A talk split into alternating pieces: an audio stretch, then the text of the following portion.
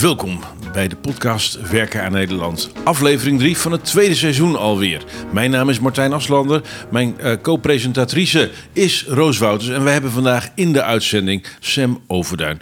Public Affairs officier van Headfirst. Recentelijk afgestudeerd aan de Erasmus Universiteit op een buitengewoon boeiend thema. Het politiek vertrouwen van de zelfstandig professional langs de meetlat. Nou, je bent op de perfecte plek. We willen alles erover weten. En wat fijn dat je er bent. Uh, welkom. En Roos, ik geef het woord aan jou. Ja, uh, nou, dankjewel. Welkom, uh, Sam. Ik heb natuurlijk al veel eerder met jou gesproken toen je begon met je scriptie. Um, hoe kwam je op het idee? Nou ja, allereerst eventjes uh, hartelijk dank uh, voor de uitnodiging en dat ik hier uh, plaats mag nemen. ik zag al wat, wat stevige namen voorbij komen die hier aan deze tafel hebben gezeten. Dus dat is een eer. nou, over tot mijn, tot mijn scriptie, inderdaad. De, de, titel is al geïntroduceerd. het politiek vertrouwen van de zelfstandig professional langs de meetlat. nou, ik heb bestuurskunde gestudeerd. ik heb altijd wel interesse gehad in, in het openbaar bestuur en in het rijlen en zeilen van, van de politiek. En in het bijzonder ook wel in het vertrouwen van de burger uh, ja, richting overheid en politiek. En uh, nou, op een gegeven moment ga je dan, uh, ga je dan lezen en kom je erachter dat er heel weinig onderzoek is gedaan. Het is vorige week ook al besproken in de podcast met Shanna Marie naar zelfstandig ondernemers. En nou, ik vond het dus eigenlijk heel interessant om mij te verdiepen in die specifieke doelgroep. Ehm, en uh, ik liep stage bij Head First en ik kon gebruik maken van de dataset van Head First, waar heel veel zelfstandig professionals in staan. En toen dacht ik bij mezelf, nou laat ik eens de pijlstok steken uh, in die doelgroep, in die zelfstandige, uh, bij die zelfstandig professionals. want ik had natuurlijk wel veel contact met zelfstandig professionals en ik hoorde ook regelmatig dat die niet zo tevreden waren over, over, over de politiek en dat ze er niks van begrijpen. Toen dacht ik van mezelf, nou oké, ik ga daar eens eventjes mijzelf in vastbijten. En ik ga onderzoek doen naar hoe het is gesteld met het, het, politieke vertrouwen van de zelfstandig professional. En wat kwam daaruit? Rapapapa. Nou, in, in eerste instantie schrok ik wel een beetje. want ik heb eerst inderdaad mensen geïnterviewd. dus ik heb. nou, Hoeveel ongeveer? Nou, ik heb eerst zes mensen geïnterviewd. en dat heb ik expres gedaan, want ik heb een mixed methods onderzoek gedaan. zo heet dat in wetenschappelijke termen. Dus eerst uh, mensen interviewen en vragen naar wat versta je nou precies onder politiek. Het is natuurlijk een heel multidisciplinair concept.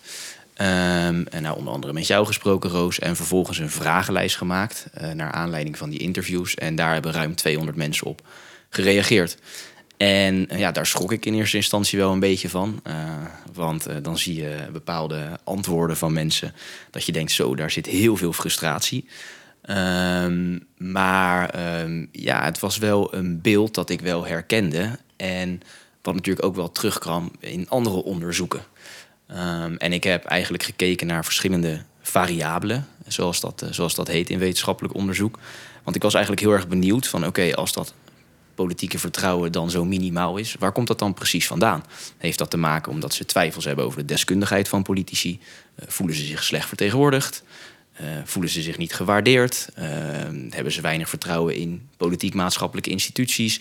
Allemaal dingen die voorbij kwamen en ja, die kwamen ook allemaal terug. Dus daar kunnen we volgens mij op een later moment tijdens deze podcast nog wel even over, over doorpraten. Nou ja, ik, ik wil wel meteen weten ja, waar lag het dan het meest aan dat het vertrouwen? Want hoe, hoe laag is het vertrouwen? Was het, uh, ik bedoel, je zegt ik schrok ervan, maar. Ja, um, nou, het was wel uh, een.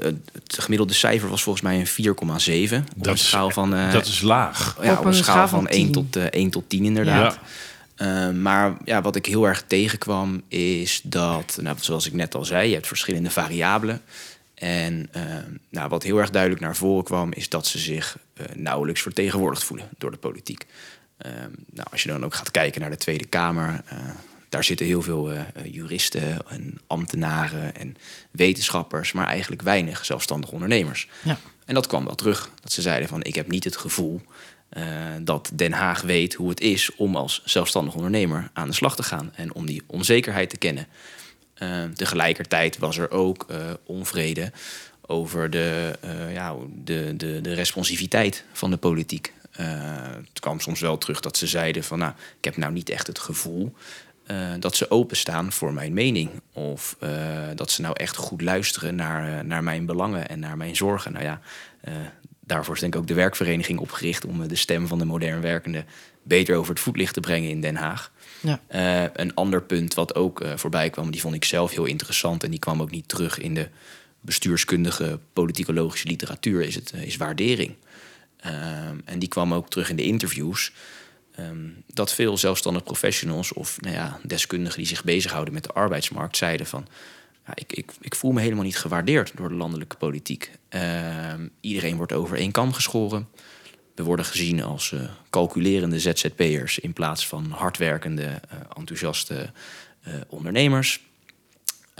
dan werd er ook verwezen naar de steun tijdens corona. Ik heb mij natuurlijk gericht op een best wel homogene groep.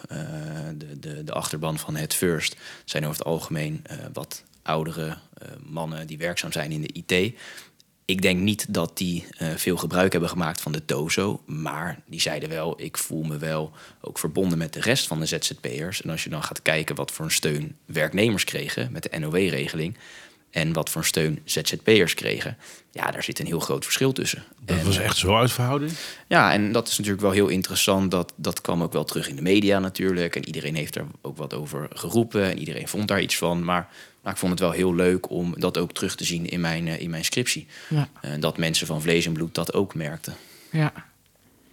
Want even kijken, ik heb hier deskundigheid. En dan vooral op de wet DBA uh, Zeker. Op een schaal van 1 tot 5 scoren ze een 1,9. Ja, klopt. Waardering scoort ook laag, maar vertegenwoordiging, in hoeverre ZZP'ers of zelfstandig professionals zich vertegenwoordigd voelen, scoort ook maar een 1,9. Ja. Ja, echt uh, lage scores. Ehm, ja, het stukje vertegenwoordiging, om daar nog even verder op in te zoomen. dat benoemde ik natuurlijk net al. Ehm, er zitten weinig zelfstandige ondernemers in de Tweede Kamer. Eh, maar wat ze ook echt aangaven is... we hebben het gevoel dat, uh, dat ZZP'ers op belangrijke plekken in het besluitvormingsproces... de Stichting van de Arbeid, de Sociaal-Economische Raad... Dat zijn belangrijke plekken in het Nederlandse besluitvormingsproces. Daar worden adviezen gegeven aan de regering. daar wordt gesproken op hoog niveau over sociaal-economisch beleid. Ja, daar is onze stem gewoon onvoldoende vertegenwoordigd. En uh, ja, dat zijpelt door in uh, de beleidskeuzes die gemaakt worden. En als je kijkt naar het puntje deskundigheid, dan vond ik het altijd, daar zag je wel een soort van botsing tussen de interviews en de, de vragenlijst. Want de mensen die ik heb gesproken, die staan ook regelmatig in contact natuurlijk met Den Haag. En die waren eigenlijk wel tevreden over het kennisniveau van, van Kamerleden die gaven wel aan dat, dat Kamerleden over het algemeen over voldoende dossierkennis beschikken. En dat ze echt hun best doen om zich in te lezen in, in de materie. Want het is natuurlijk ook best wel ingewikkeld. Hè? Fiscaliteit, arbeidsrecht, sociale zekerheid. Um, maar er werd in die vragenlijst werd, de component deskundigheid wel vaak gekoppeld aan de wet DBA. Dus dan werd er inderdaad gezegd van nou, ik heb niet echt vertrouwen in de deskundigheid en de vaardigheden en de skills van van de mensen in, uh, van de mensen in Den Haag.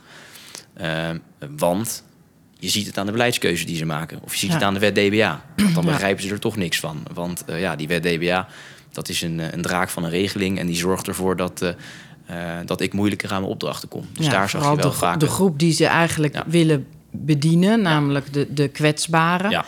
met moeilijke onderhandelingsposities uh, die worden eigenlijk nog steeds te weinig geholpen. Die krijgen geen zekerheid. En als ze al enigszins zekerheid hebben, dan betekent dat nog steeds niet dat ze ook aangenomen worden als er volgens de wet DBA dan gekeken wordt van, uh, nou, we vinden eigenlijk dat jij dus geen ZZP hoort te zijn. Ja, wat gebeurt er dan?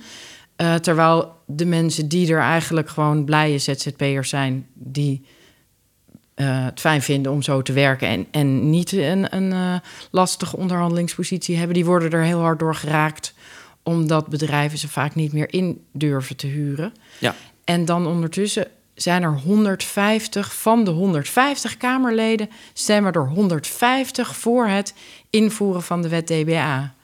Ja, dat is ernstig. Ja, dan, dan dus, denk dus, ik wel, ja, dan kunnen ze dus heel deskundig zijn. Maar ja, ja, dan, dan kan ik me voorstellen dat je een 1,9 geeft, omdat je dus, ja, als je met die politici of Kamerleden spreekt, weten ze eigenlijk ook wel dat het niet klopt. Dat ze niet voldoende het probleem aanraken uh, of oplossen met die wet DBA. Ehm, maar vervolgens toch gewoon net alsof doen of ze dat niet weten. Of Ja. ja, wa- waar denk heb je ook mensen gehoord die daarover dan vertellen? Ja, Ja, nou ja, kijk, die, die, die wet DBA die is natuurlijk al eh, regelmatig teruggekomen in het, eh, in het debat. Ehm, en eh, ja, hij kwam dus ook regelmatig terug in mijn scriptie. Ehm, ja, kijk, dan denk ik wel van... Ze hebben dan die wet DBA opgesteld. Die is volgens mij ook al redelijk snel in de, in de koelkast gezet. Ehm, is best wel onduidelijk natuurlijk wat daar nu mee gaat gebeuren. Eh, het regeerakkoord wilden ze die op een hele gedetailleerde manier wilden ze die, eh, vervangen. Hè? Een minimumtarief, een zelfstandige verklaring en een webmodule. ja. Nou, twee van de drie eh, zaken zijn, zijn vroegtijdig gestrand. We hebben alleen de, de webmodule die nog overblijft. Ik denk wel dat als er in een eerder stadium ehm, beter was gesproken met ZZP-belangenbehartigers, of in ieder geval met partijen die meer verstand hadden van hoe dat nou in de praktijk werkt, eh, dan had het misschien niet zo, eh, eh, zo hoeven zijn dat er zoveel onrust was veroorzaakt. En inderdaad, je ziet nog steeds dat ook grote overheidspartijen op dit moment wel mensen nodig hebben, maar vanwege de wet DBA ja, wel een beetje angstig zijn. ja. Ehm, en dat is wel een gemiste kans. Want volgens mij hebben we op dit moment alle handjes hard nodig in, eh, in Nederland. En het werkt niet mee als eh, eh, wet en regelgeving eh, vanuit Den Haag eh, onzeker is en onduidelijk. ja. Dat blijft een van de merkwaardigste stukken in het hele arbeidsmarktvraagstuk als het gaat om ZZP'ers. Hoe de club die het hardst bezig wil met eh, die club reguleren, eh, zelf een van de grootste opdrachtgevers is voor diezelfde mensen. Dus Ja. zou, dat, zou, dat, zou dat een van de redenen kunnen zijn van vertraging of zo? Ja, ik, ik, ik, durf dat echt niet, eh, ik durf dat niet te zeggen. Ik heb wel het gevoel, en nou ja, Roos, dat zou jij ook ongetwijfeld eh, herkennen, dat, ehm, dat dit voor Den Haag ook wel gewoon een heel ingewikkeld vraagstuk is. En we moeten ook niet vergeten dat het ook gewoon een complex dossier is. Ehm, en dat ze het soms ook gewoon niet zo goed weten. En het is natuurlijk eh, typisch Haags om dan eh, door te modderen eh, en een beetje pleisters te plakken. En dat is hier natuurlijk ook het geval. Ja. En ehm, nou ja, waardering, vertegenwoordiging, institutioneel vertrouwen, deskundigheid, ze scoren dus allemaal laag. Ehm, ook onder andere omdat er dus heel veel, Jeanne-Marie zei het inderdaad in de vorige podcast ook al, heel veel nou ja, aannames zijn over ZZP'ers, eh, maar dat er heel weinig eigenlijk, eh, eh, nou ja, heel vaak een, een enorme discrepantie zit tussen de uitersten die geschetst worden en de percentages eigenlijk hoeveel mensen bijvoorbeeld eh, onvrijwillig ZZP'er zijn en liever in vaste dienst zouden willen op de totaalbevolking van al die ZZP'ers. En Ja, ik begreep ook dat jij hebt meegewerkt aan een onlangs eh, verschenen rapport. Eh, ONL BrainNet hebben dat samen, volgens mij die opdracht, verstrekt aan Zipconomy. Ja, Brainnet niet. Eh, Oh, oh, oh, oh, oh. ONL, Head First en Ja. Zipconomy. Oh, het, eh, sta- eh, het staat er ook op, Roos. Ik Kijk, haal ze dus- altijd door ja. elkaar en ik weet dat Ja. dat is echt een, een eh, hoe heet dat? Vloeken in de kerk is nou, dat, nee hoor, geloof nee hoor. Eh, eh, voor Gelukkig mij niet. een Maar, vers afgestudeerde expert. Die weet, die, die weet al die. Ehm, maar goed, mooi bruggetje inderdaad naar het eh, rapport. eh, met de titel eh, De ZZP'er bestaat wel. eh, feiten over zelfstandigen zonder personeel. Ja. Eh, uitgevoerd door eh Zipconomy eh, in opdracht van eh Het First en eh, ONL voor ondernemers. En eh, ja, tot standkoming van het rapport, inderdaad, zoals je net al zei. eh, we merken dat het, eh, ja, het politiek-maatschappelijke debat over eh, ZZP'ers voornamelijk wordt gevoerd op basis van aannames, eh, misinterpretaties. Emotie zit ook behoorlijk in het debat. Ja. eh, in plaats van eh, feiten en cijfers. Ja, dus het is een soort heersend frame dat de ZZP'er een arme, eh, eh, eh, uitgebuite, eh, eigenwijze eh, iemand is die liever geen ZZP'er had willen zijn. En die, die niet de aan zijn toekomst denkt. Je, En- je en- krijgt en, elke keer... En als je kijkt naar de startkwalificatie, de startmotivatie inderdaad van de meeste ZZP'ers, want Jan had ook onderzoek naar gedaan. Dat zijn gewoon allemaal mensen die gewoon eh, geen zin hebben in al dat gedoe in, van de organisatie. En denken van ja, volgens mij kan ik het in mijn eentje beter dan in, binnen, binnen zo'n ja, traditioneel oud framework. eh, eh, wat niet meer past bij hoe, hoe ik wil werken. En ehm, eh, het grootste deel van de ZZP'ers is inderdaad helemaal niet gedwongen. Terwijl het heersende frame is dat dat zielige mensen zijn die je moet beschermen. Ja, ja nee, ik denk dat, eh ik denk dat eh Jeanne-Marie inderdaad een heel eh, waardevol onderzoek heeft, heeft uitgevoerd. Die is daar natuurlijk volgens mij vijf jaar ook in de materie gedoken. En ja, die heeft uiteindelijk gezorgd voor een indeling op basis van startmotieven.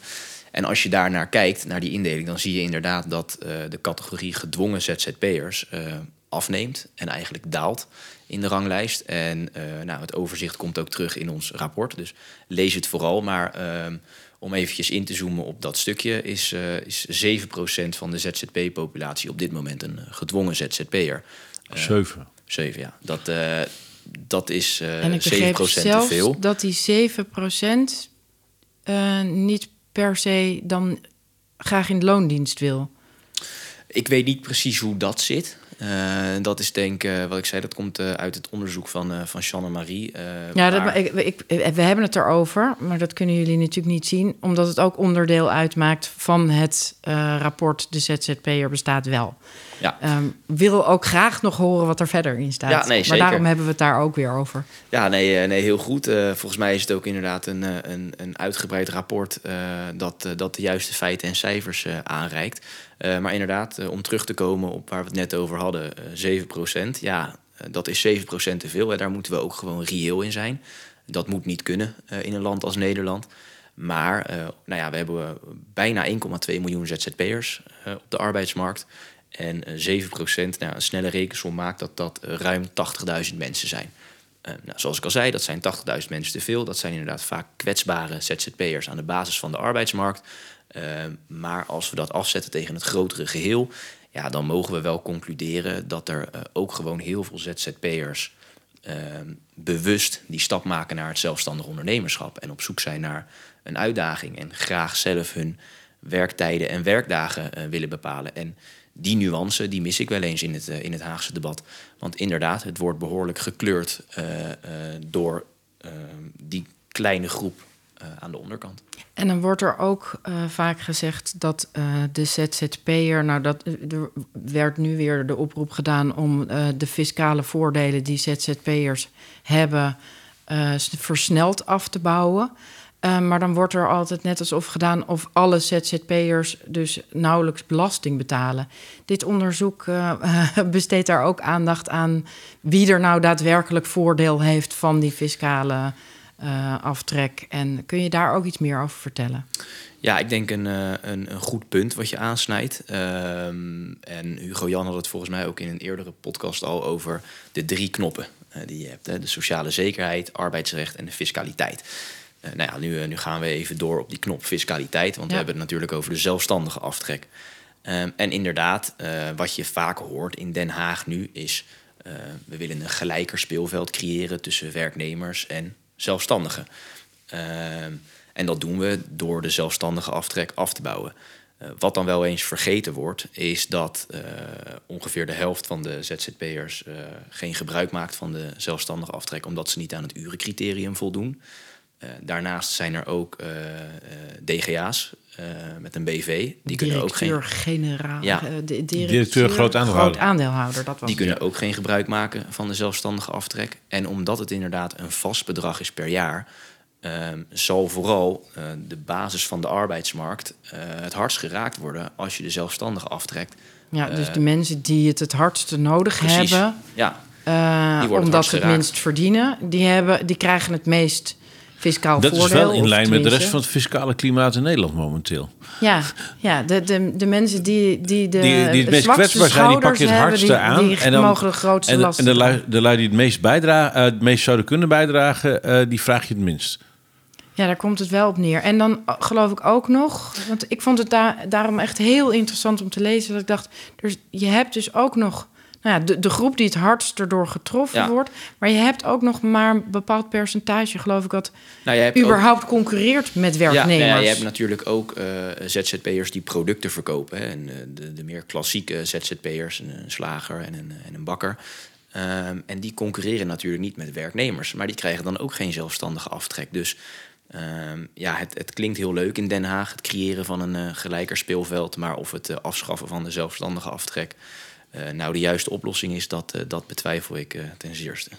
Want je hebt ook aanbevelingen in je scriptie gegeven. Hè? En die hebben natuurlijk ook nou ja, het, het rapport, de ZZP'er bestaat wel, is pas daarna verschenen. Maar ik neem Ja. aan dat er niet heel veel nieuwe dingen voor jou in stonden. Nee, het heeft, het heeft natuurlijk allemaal, eh, allemaal raakvlakken met elkaar. Maar inderdaad, om even eh, terug te gaan weer naar mijn, eh, mijn scriptie en de vertrouwensrelatie tussen de landelijke politiek. Eh, ik heb eh, vooral onderzoek gedaan naar de landelijke politiek. Je hebt Ja. ook de lokale politiek en eh, je hebt ook Brussel.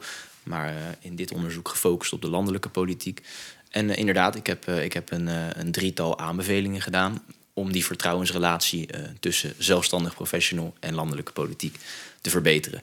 Nou ja, de allereerste is, en die kwam ook regelmatig terug, want ik heb het zowel gevraagd in de interviews, maar ook in de vragenlijst. Dus ik eh, had eh, eh, meer dan eh, nou, tussen de 220 en 230 eh, mensen die erop hadden geantwoord. Dan krijg je natuurlijk hele uiteenlopende antwoorden. Maar op een gegeven moment ga je dat analyseren en zie je wel een, een rode draad. En nou, wat vaak terugkomt was inderdaad, zorg nou voor representatie binnen de Sociaal-Economische Raad. Is natuurlijk ook een, een punt wat al langer speelt in Den Haag. Ehm, maar zorg ervoor dat ZZP'ers echt een stevige, stevigere positie krijgen in dat besluitvormingsproces. Ja. Ehm, en ja, zoals ik al eerder eh, eh, benoemde, de Sociaal-Economische Raad is een belangrijke eh, speler. Als het, eh, als het gaat om het, eh, om, eh, om het debat over de arbeidsmarkt en wat we nou willen met al die ZZP'ers. Dus nou, ga daar serieus werk van maken. En eh, zorg ervoor dat, eh, dat de stem van die, eh, van die zelfstandig professional eh, ja, beter gehoord wordt. En een ander punt, en die vind ik zelf ook wel gewoon heel erg belangrijk, is. eh, die kwam ook eh, vaak terug. Is ga nou gewoon in gesprek met die mensen van vlees en bloed. En dat klinkt heel simpel. Ehm, en dat hoeft ook niet iedere week. Want eh, ik heb met je te doen als Kamerlid op dit moment. Als je twee zetels hebt in de Tweede Kamer. Je hebt allebei acht portefeuilles. nou ja, ga het maar doen. Ja. Ehm, maar dat kan bijvoorbeeld wel, ook al zo ja, twee keer per jaar bijvoorbeeld. Met een, en, en dan gewoon met eh, de Kamercommissie Sociale Zaken. met een paar zelfstandig professionals. En ook met wat ambtenaren van, eh, eh, van sociale zaken. En misschien economische zaken en financiën. Maar gewoon op een laagdrempelige manier met elkaar in gesprek. Zorg voor een beetje kruisbestuiving tussen al die, eh, tussen al die werelden.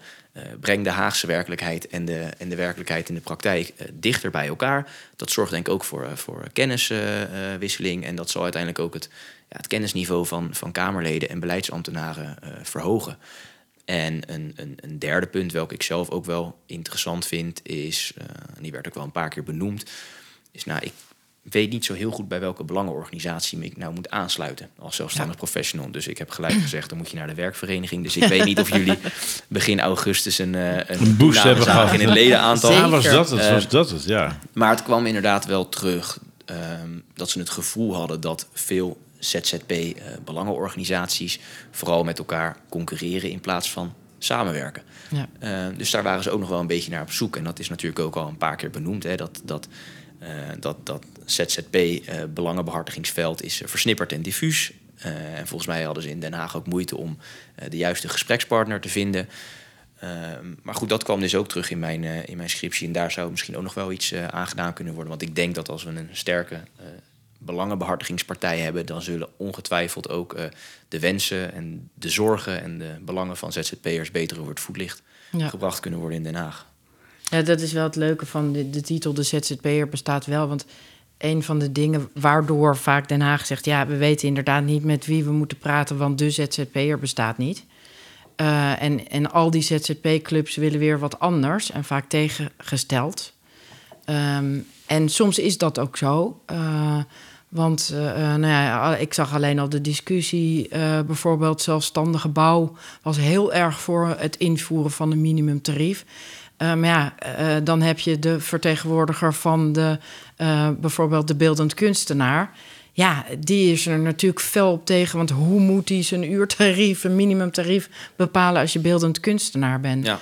Ehm, en tegelijkertijd denk ik wel dat er onlangs, eh, nou ja, eh, en door het, groeien van de werkvereniging, maar ook doordat al die partijen eh, bij elkaar bij de VZN zijn gekomen. ehm, en zowel de VZN, de Vereniging Zelfstandige Nederland, als wij met de werkvereniging hebben ons vinger opgestoken en ons aangemeld bij de Sociaal-Economische Raad om een zetel eh, nou ja, te hopen dat we die krijgen. Dat advies eh, gaat in januari naar, nou hopelijk hebben we dan een minister. Ehm, maar ik heb toch het idee dat, dat ze ehm, daar vooral heel huiverig voor zijn. Heb je ook een idee waar dat, waar dat door komt? Dat ze niet echt staan te springen om ZZP'ers een stem te geven in de, nou ja, in de SER of in de polder. Ja, ja dat, dat, dat, dat vind ik een hele uh, interessante vraag. Tegelijkertijd ook een hele uh, ingewikkelde vraag. Ik denk dat dat ook gewoon te maken heeft met ja, toch wel een stukje macht en invloed. En ja, ik denk dat we wel kunnen concluderen dat, uh, dat de polder echt wel toe is aan een, aan een soort van legitimiteitsvernieuwing. Een herbezinning, ja. want we hebben natuurlijk werknemers, werkgevers, maar ja, ehm, tijden zijn veranderd en we hebben ook, uh, we hebben ook uh, tegenwoordig. Uh, maar misschien, ja, misschien komt die angst ook toch wel vanuit de vakbonden. dat toch een beetje angst is voor die, voor die ZZP'er. Nou ja, bekende term hier is VUCA, dus volatile, uncertain, onzeker, complex en ambigu. En als er iets aan het ZZP-dossier natuurlijk complex is, een hele arbeidsmarkt, is dat het ambigu is.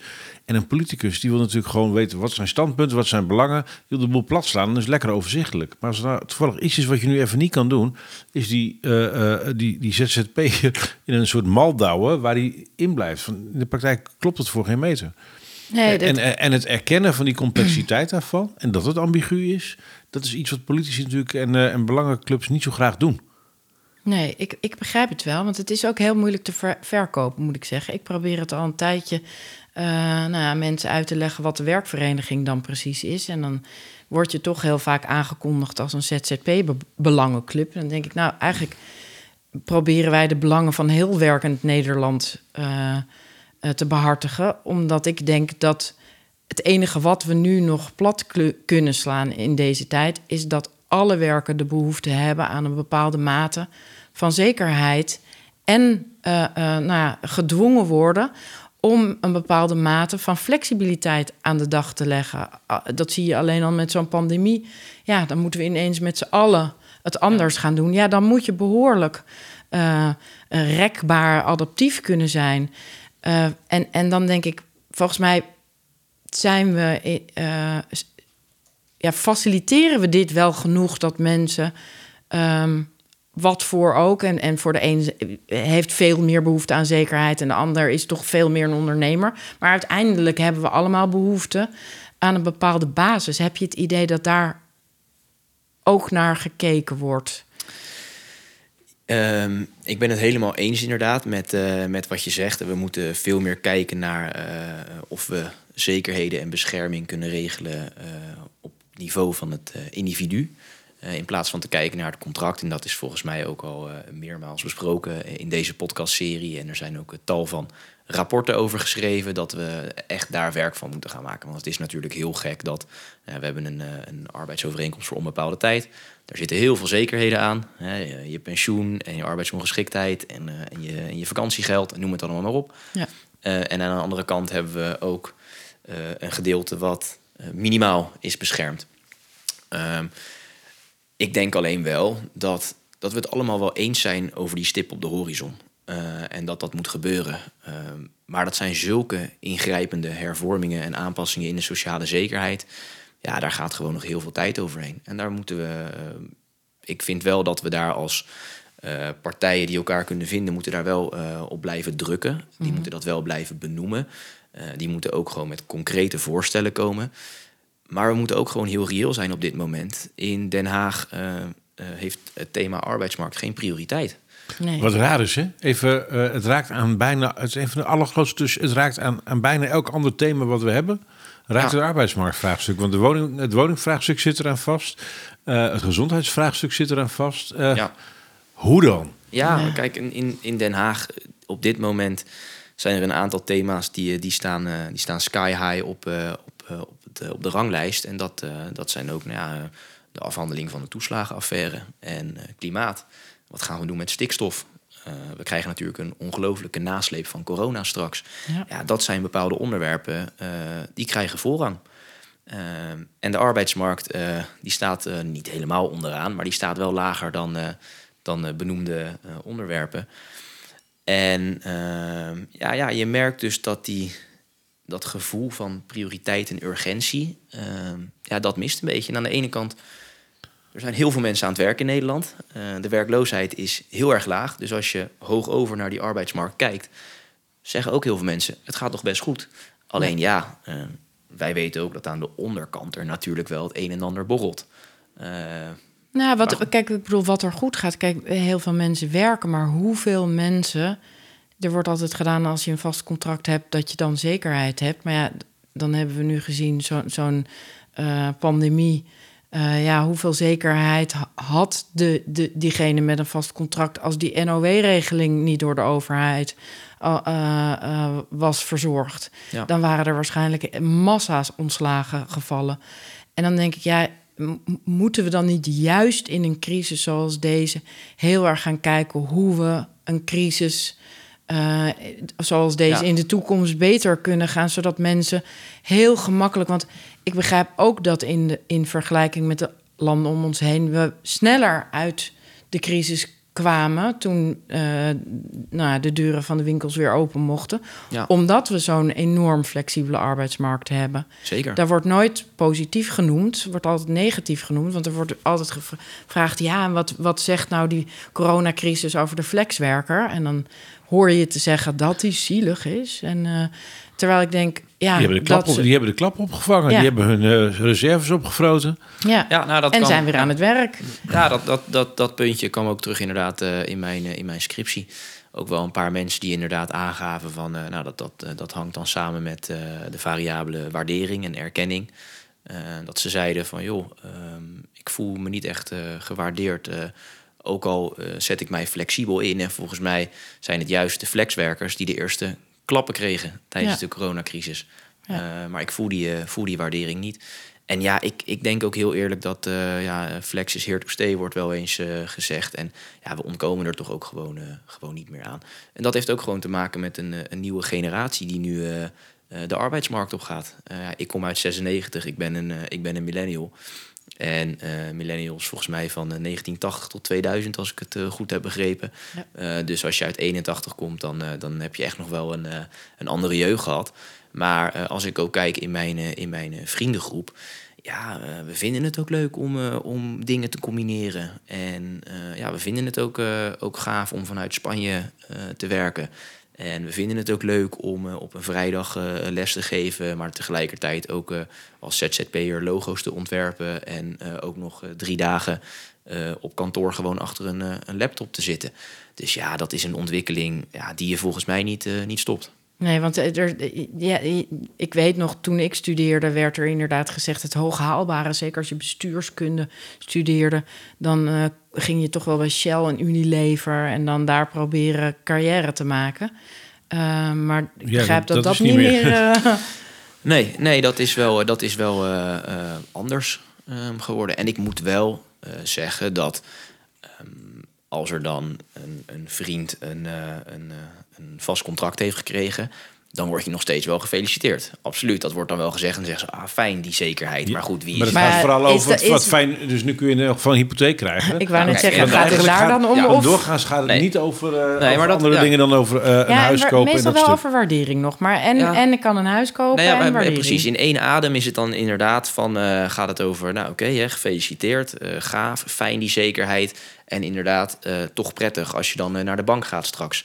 Ja. ja, dat is natuurlijk wel een, uh, een, een beetje gek. Ja. ja, het is heel raar dat je alleen maar een huis kan krijgen als je een vast contract hebt. Terwijl het vaste contract, ja, ja. Dus in de het praktijk, is onbepaalde tijd. Maar dat betekent niet dat het, dat het om, ook altijd eeuw, blijft ja, werken. Onbepaald, ja, kwam met Evert Verhulp kwam erachter. Die, die keek ons en wij, wij dachten altijd dat Evert uh, Verhulp vanuit de, de en als jurist dacht... ja, maar contract voor onbepaalde tijd. Ze zei, ja, maar dat kan ook een week zijn. Ja. als je niet meer tevreden bent samen, dan stop je er gewoon mee. Dus die, die keek ons echt aan van... hoezo denken andere mensen dat een vast contract voor altijd is? Ja. Terwijl dat de connotatie is van de uitdrukking het vaste contract. Alsof dat een soort zekerheid biedt. Ja. Ja, nou ja.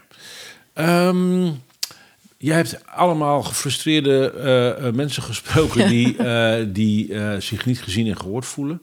allemaal ZZP'ers. Um, wat heb je bij die mensen nog, nog, nog meer gemerkt? Wat willen ze eraan doen? Doen ze er iets aan? Uh, uh, zeiden ze dat ze mensen die zij kennen daar ook last van hebben? Hoe, hoe zit dat, dat stuk in elkaar? Nou, ik moet wel een, een, ook een kanttekening plaatsen bij mijn, bij mijn onderzoeksresultaten. Ehm, ik heb natuurlijk politiek vertrouwen wel gemeten op een specifiek moment in de tijd.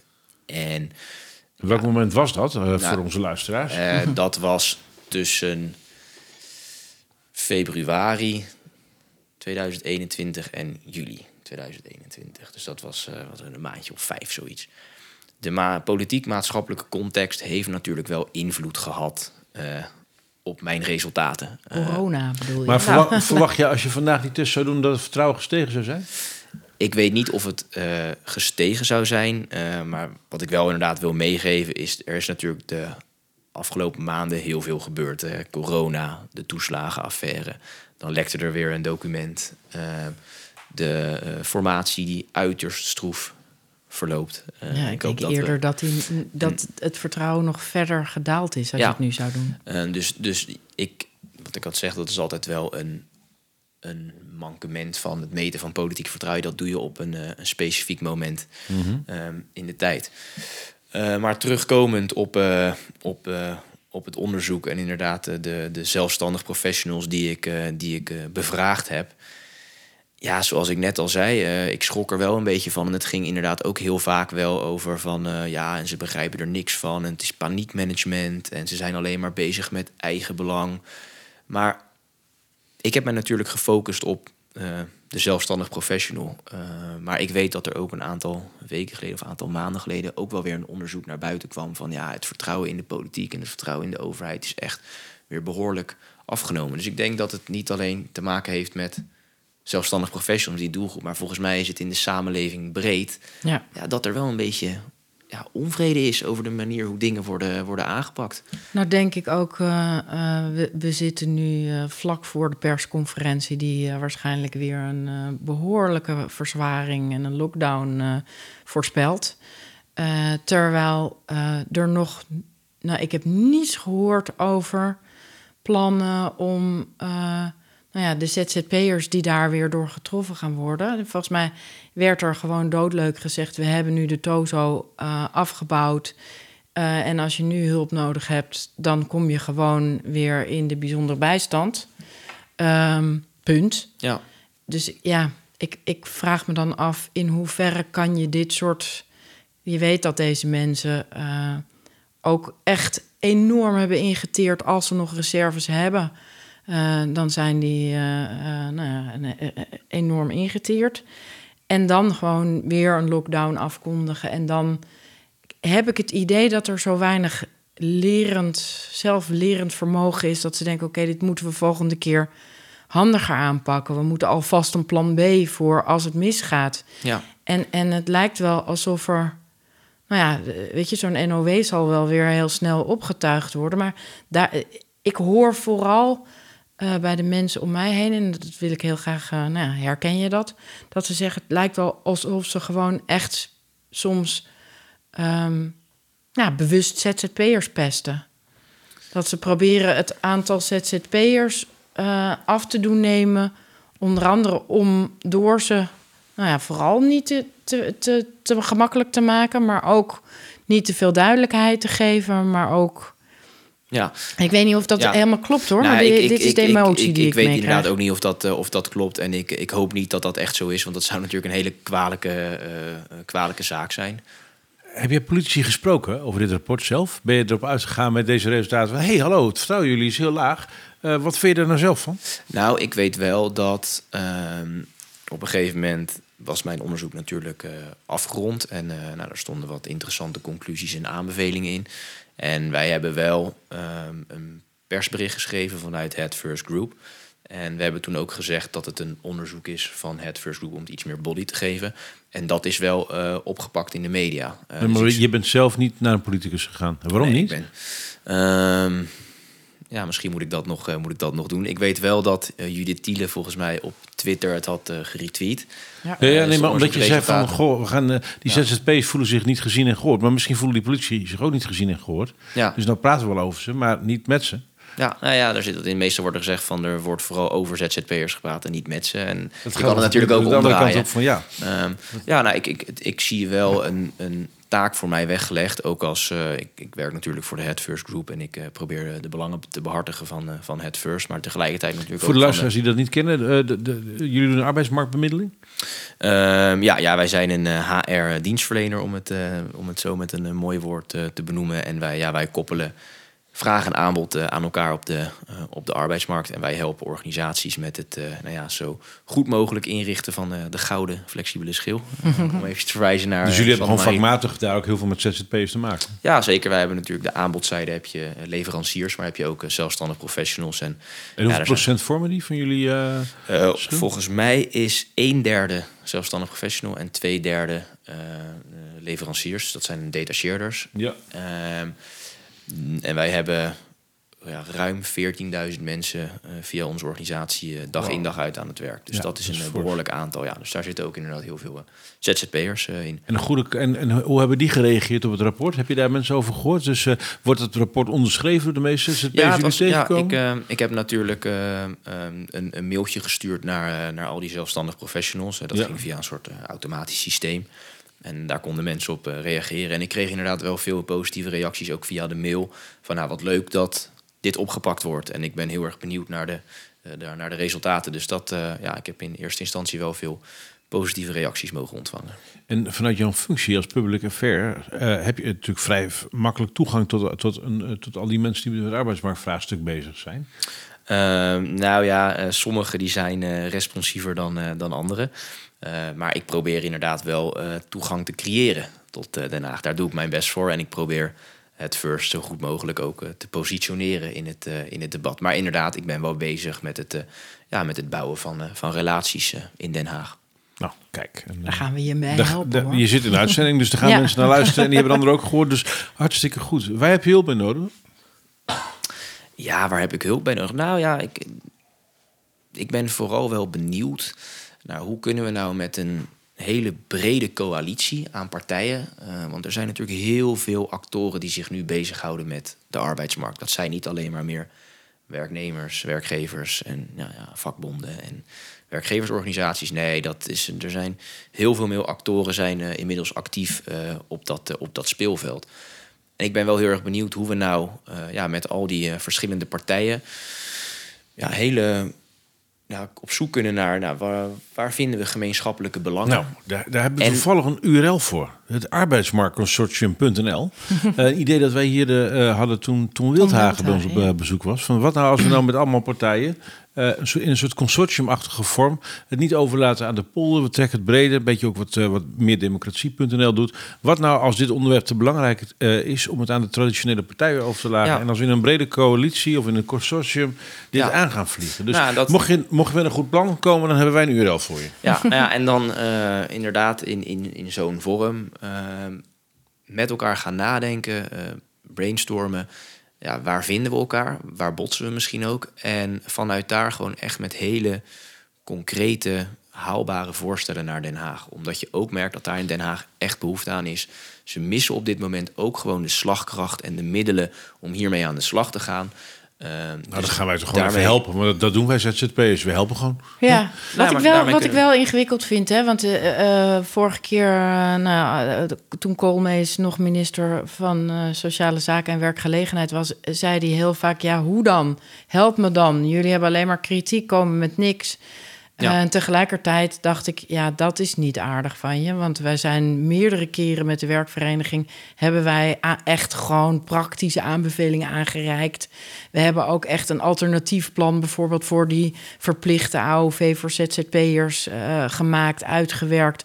Met een enorme hoeveelheid experts uit ons netwerk... hebben ons daarbij geholpen. En dan legt hij het gewoon naast zich neer. Dus soms word je ook een beetje moedeloos dat je denkt, ja, er wordt wel heel vaak gezegd hoe dan, ja. of uh, maar de ZZP'er bestaat niet. Maar ik heb ook vaak krijg ik de indruk dat als ik het wel doe, ja. uh, dat, dat ze vervolgens die twee argumenten ook gebruiken om vervolgens niks ermee te doen omdat nee. ze het ingewikkeld vinden. Ja, ja en ik begrijp dat dat uh, vanuit jouw perspectief soms wel frustrerend kan zijn. Maar tegelijkertijd uh, mogen jullie bij de werkvereniging volgens mij ook wel heel trots zijn wat jullie in korte tijd al bereikt hebben. Dus ja, uh, nou, wacht even, ja, maar daarmee heb je nog niks concreets opgelost in de arbeidsmarkt. Dus nee, maar, aandacht voor is en dat je bestaat ja, mag meepraten. Maar ja, uiteindelijk wil je dat er ook iets gebeurt. Klopt, nou ja, klopt. En, en geduld is wel een, is een, is een schone zaak. En zeker in Den Haag. Um, ik verwacht ook geen uh, ja, majeure uh, hervormingen. Uh, maar ja, jullie staan wel beter op de kaart. jullie worden volgens mij wel steeds iets beter gehoord of geconsulteerd. nou, volgens mij sta je regelmatig in contact met, met Kamerleden en ben je ook regelmatig op het ministerie van Sociale Zaken. Dus er zit volgens mij echt wel, echt wel beweging in. En het moet ook van ja, het moet van onderop gaan komen. Ja. nou ja, ja, of keert het schip en het systeem flikkert in elkaar. Nou, we zijn, we, ik moet ook uh, wel zeggen dat we op twee, uh, nou ja, eigenlijk twee trapsraket uh, strategie hebben. Aan de ene kant heb ik ook onlangs gesproken met Jacco Vonhof van MKB Nederland en ook met VNO en daarmee afspraken gemaakt om te kijken of we elkaar vinden in het nou ja, verkennen hoe gaan als we een systeem waarin we de basis van werk en zekerheid um, nou vanuit de werkende zelf gaan opbouwen en niet vanuit de contractvorm. Ja. Hoe zou dat er dan uitzien? Wat zijn de beren op de weg? Laten we het nou een keer met elkaar gaan verkennen. Want ja, ja ik hoor Jacco Vonhof vaak ook vergelijkbare dingen zeggen van ja, we moeten contractvorm neutrale zekerheden gaan opbouwen. Langzamerhand resoneert dat. Ja, VNO-NCW zegt ook ja, die, onze lange termijn, uh, uh, middellange termijn ja, advies. advies ja. Ehm, ja. is nu de, de, de eerste oplossing die wij kunnen bieden. Maar het is natuurlijk niet de stip op de horizon. Dus ja, we willen ook graag kijken uh, naar die stip op de horizon. Uh, um, ik had gisteren ook weer even Anne Megens aan de telefoon en die zei: Ja, we moeten gewoon gaan experimenteren. Ondertussen heb ik ook contacten met. Uh, nou ja, binnenkort houden we weer een bijeenkomst. Dat noemen we het platform Vernieuwen doen we samen, waar we met allerlei aanbieders. Jij komt geloof ik ook. maar vooral de, de, de organisaties die oplossingen, diensten leveren aan de modern werkenden. Um, om te vragen: wat hebben jullie nou nodig? Wat, wat, wat hoe zou jullie opzet tot een aanzet van een regeerakkoord ja. daaruit zien als jullie hem mochten schrijven? En langzamerhand hoor je wel steeds vaker dat we eigenlijk heel veel gedeelde ideeën, belangen daarin hebben. Alleen toch denk ik, ja, niemand durft de eerste stap te zetten. Niemand durft uh, te zeggen: oké, okay, uh, we kloppen met z'n allen aan bij het ministerie. Want die moet je dan de regelruimte geven om zo'n experiment te beginnen. Want ja. het lijkt me heel belangrijk dat we eerst gaan experimenteren voordat we meteen nieuwe wetten en regels uh, uh, gaan maken. Want ja. ja. Nou ja, ja, klopt, helemaal mee eens. En uh, wat ik net ook al zei, ik denk dat dat heel belangrijk is. Dat je gewoon met een, met een, met een brede coalitie daarover gaat nadenken. En tegelijkertijd dus ook wel reëel bent. Um, want goed, we krijgen straks krijgen we een, een, een, ja, een nieuw kabinet. En dan komt er een regeerakkoord. Maar we hebben volgende week hebben we begrotingsbehandelingen voor sociale zaken. Uh, ja. Dat gaat over 2023. Dus 2023 kunnen we wegstrepen. Ja. Dat ligt straks gewoon vast, is in beton gegoten. Het zou betekenen dat we in 2024 pas weer de ruimte hebben om, om over bepaalde dingen te gaan nadenken. Dus het is ook, ja, wat ik net zei, geduld is een schone zaak. En je moet inderdaad gewoon in kleine stapjes ja. Uh, moet je toewerken uh, ja, naar bijvoorbeeld inderdaad uh, contractneutrale zekerheid. Nou, ik heb het zo grappig, want in heel veel organisaties zie je nou, jarenlang dat ze dachten: hoe moeten we nou dingen veranderen? We weten het eigenlijk niet. En toen hebben ze de pilot uitgevonden. En toen ging gewoon alles een pilot en een experiment heten. En dan kon er van alles wel. En dat ja. ik steeds denk: ja, zullen we uh, met die pilot beginnen gewoon. Zullen we dat experiment beginnen? En nee, dan wil ik niet meteen iedereen zijn vaste contract die dat heeft afpakken. Of, maar laten we gewoon gaan kijken hoe kunnen we en wat voor effect heeft het als je um, nou, de, de, voor een bepaalde groep mensen, ja. om het eerst te kijken hoe werkt dat, uh, nou, de mensen met een, een, vast contract die daar vrijwillig aan mee willen werken. De mensen die nieuw komen op de arbeidsmarkt en die nog geen idee hebben hoe het was. Dus het ook gewoon uh, met een frisse blik kunnen bekijken. En de ZZP'ers of een groep uh, hybride werkenden. Want juist die hebben er nu vaak last van ja. dat de zekerheden allemaal aan, ja, verschillend eh, zijn op het moment dat je verschillende werkvormen hebt. Klopt. Ja, ik denk dat dat heel belangrijk is. En ik denk alleen wel dat eh, als je het hebt over experimenteren, dat dat natuurlijk eh, in het openbaar bestuur een heel lastig iets is. We hebben het niet over moleculen in een laboratorium, maar we hebben het over mensen van vlees en bloed. Nou, dan hebben we het ook nog over de sociale zekerheid. Ja, ik durf mijn handen ervoor in het vuur te steken dat de mensen die... Niet experimenteren is veel duurder. Ja, ja nee, dat, en veel gevaarlijker. dat, is zeker en, en, en, en, uh, we leven, ik heb er toevallig een boek over geschreven, dat heet uh, Nooit Af. Waarin we uitleggen van, joh, deze wereld gaat zo hard en zo snel. Ja. Je kunt niet eerst het product helemaal perfect krijgen om vervolgens te ontdekken dat het niet werkt. Want dat, de, wat je daarmee volgens schade en verlies aan gebrek aan inzichten voor echte oplossingen, ja, is zo gigantisch dat je beter gewoon kunt beginnen met klein experimenteren, kijken wat wel werkt en dat dan opschalen. Ja, ja, ja ik, ben er, ik ben er ook een groot voorstander van. En zoals ik net ook al zei, het, het moet volgens mij echt van, van onderop komen. Ehm, de de top-down benadering die we nu hebben, uh, waarin uh, ja, de polder vooral gedomineerd wordt door werknemers, werkgevers, ja, ja is gedateerd. En ja. je moet met partijen uit de markt, uit het maatschappelijk middenveld, moet, je, moet je met elkaar om de tafel en gaan nadenken van oké, wat is haalbaar? Uh, waar vinden we elkaar en uh, ja, op, op welk punt willen we nou een stapje maken? Uh, en volgens mij is die stip op de horizon redelijk, redelijk helder voor iedereen. Daar vinden we elkaar wel. de weg er naartoe, ja, dat zal wat spanning en frictie opleveren. Dat hoort er ook bij. Dat is denk ik ook alleen maar goed. Maar ja, zoals ik al aangaf, gewoon in kleine stapjes vooruitdenken en zorgen dat je een, daar is Den Haag ook gevoelig voor, dat je een brede coalitie hebt, zodat je draagvlak hebt. Ja. En uh, ik wil even nu schieten, want ik hoor je af en toe bijna praten als een politicus. Dat bedoel ik niet als een belediging trouwens. Maar uh, heb je ambities die kant op? Uh, wellicht, wellicht. Ja, ik, ik weet het niet zo. ik, ja, ja, misschien wel. Ik, ehm, ja, een uh, lastige, lastige vraag. Uh, ik ben wel politiek uh, geïnteresseerd. Um, of ik daadwerkelijk ook iets in de politiek wil doen, um, moet ik nog eventjes goed over nadenken. Kijk, maar mocht het zo zijn, dan heeft u het hier het eerst gehoord. Ehm, mooi. Ik, Ja, ik vond het eigenlijk ook wel een hele mooie afronding wat je net zei. Dus ik denk, daar, daar kunnen we wat mee. ik word daar wel blij van. Nou, mooi. heb jij nou ja, nog iets waarvan je zegt dat, dat zou de werkvereniging nog meer of uh, beter kunnen doen? Of, uh... Nee, nou ja, wat ik net al zei, trots zijn op wat je al bereikt hebt en gewoon zo, gewoon zo doorgaan. Want ja, ik praat natuurlijk ook met, wel eens met mensen in Den Haag en, en ZZP'ers. En ik heb wel het gevoel dat de werkvereniging wel steeds bekender wordt. dus dat is goed. Er zit, er zit beweging in. En ga daarmee door. Ja, de mensen nou ja, thuis, wij zijn glunderen. unstoppable, dus dat komt helemaal goed. Hartstikke fijn. Nou, jullie hebben allemaal geluisterd naar alweer de derde aflevering van seizoen 2 van de podcast van Werken aan Nederland. De gast was Sam Overduin. En deze podcast is mogelijk gemaakt door verloning.nl. Techniek was in handen van Jasper van Oorschot en in handen van de, pre of de presentatie was in handen van mij, Martijn Aslander en Roos Wouters. Roos, dankjewel weer. Ik vond het leuk. Sam, dank voor je komst. En ja, uh, um, er is gauw weer een nieuwe aflevering. Zeker.